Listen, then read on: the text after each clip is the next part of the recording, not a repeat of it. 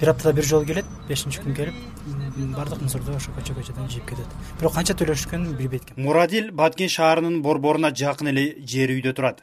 Жумасына бир жолу тазалык ишканасынан атайын унаа келип таштандыларды жыйнап кетет. Тазалык үчүн расмий келишим түзүлгөн эмес. Бирок таштандыларды тазалап кетүү үчүн канча акча алынаарын билбейт мусорду бирок э, көп болуп калды. Бир бир жылдай болуп калды. Анан биз э, акчасын төлөйбүз. Бирок мен лично билбейт экенмин канча акча төлөшүнүнчү бирок мусорный баягындай э, машина келип алып кетет үйүбүздүн алдынан бир аптада бир жолу келет бешинчи күнү келип баардык мусорду ошо көчө көчөдөн жыйып кетет. Бирок канча төлөшкөнүн билбейт экенмин майрамгүл баткен шаарынын борборундагы айыпов көчөсүндө турат. Бул көчөдө отуздай кожолук бар. Бирок тазалык ишканасы менен келишим түзүшкөн эмес. Андыктан бул көчөгө таштанды алуу үчүн эч ким келбейт. Ар ким алына жараша. Таштандыларды жок кылып турабыз.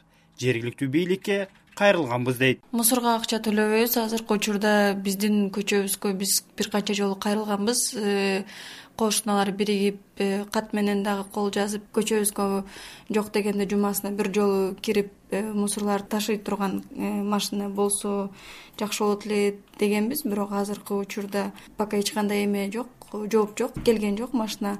Биз урнаны башка жака алып барып төгөбүз эми баткен шаарынын тазалыгы акыркы жылдары жакшы жолго коюлбай. Муниципиалдык ишкана карызынын айынан жабылып кайрадан түзүлгөн. Кызмат көрсөткөн үчүн жыйнаган каражаты мекемени камсыздап турууга жетпейт.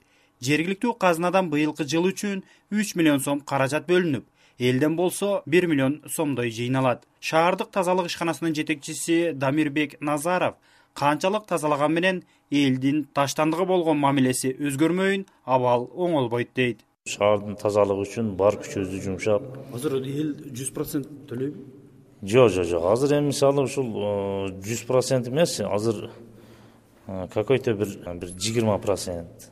Көп мындай кыйынчылыктар. Мусордун акчасы дегенде адамдар мындай бериши кичине кыйынга туруп атат да.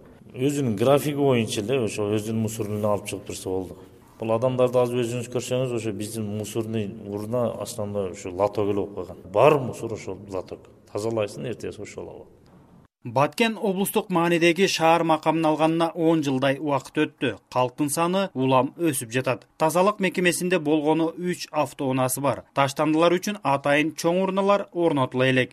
Өткөн жылы үч миң жети жүз тоннадай таштанды чыгарылып шаар четине төгүлгөн. Кайра иштетүү тууралуу азырынча ойлонула элек. Жеңиш айдаров азаттык баткен